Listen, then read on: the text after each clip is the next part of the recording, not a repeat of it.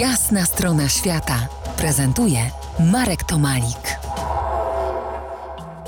Po jasnej stronie świata Henryk Wolski, żeglarz, podróżnik, uczestnik wielu wypraw na wielu morzach i wszystkich oceanach świata. Rozmawiamy dziś o wikingach i ich słowiańskich pobratymcach chąśnikach.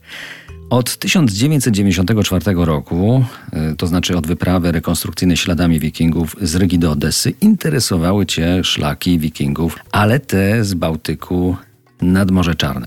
Tak, interesowały mnie szczególnie te szlaki, że w nich było coś odkrywczego. To, co było do zrobienia wcześniej, może inaczej, te wielkie odkrywcze szlaki wikingów już były zrekonstruowane wcześniej. To było możliwe. Szlaki przez Związek Radziecki były ze względu na politykę niemożliwe do zrobienia. W 1984 roku szwedzka wyprawa, która chciała przepłynąć przez Bóg, nie została tam wpuszczona. Oni zaczęli swoją wyprawę, zaczęli ze Szwecji, dopłynęli do naszego Gdańska, płynęli w górę Wisły, do Bugu i na Drohiczynie musieli się wycofać. Zmieniły się czasy, niektóre do tej pory szlaki nie były odkryte i to w ramach zmiany czasów stało się możliwe w 1994 roku.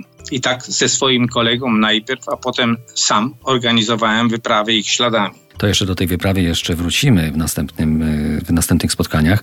A powiedz, y, bo tak, są znane cztery, to znaczy udokumentowane cztery szlaki wodne Bałtyk-Odessa cztery szlaki. Właściwie trzy szlaki zaczynają się w takim punkcie startowym. Obecnie jest to Petersburg. I z jeziora Ładoga płynęło się dalej na południe.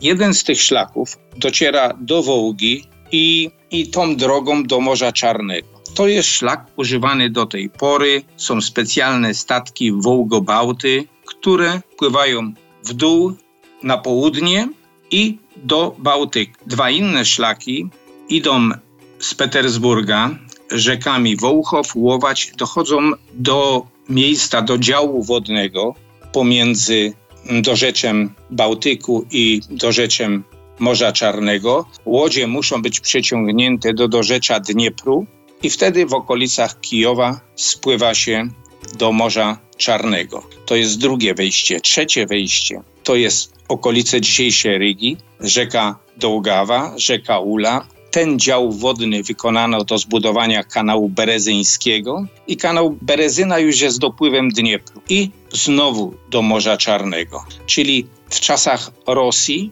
zbudowano kanał na dawnym szlaku wikingów. Czwarty szlak to jest szlak najmniej opisany i to jest szlak z obecnego Gdańska w górę Wisły i albo Bugiem, albo Sanem do Dniestru.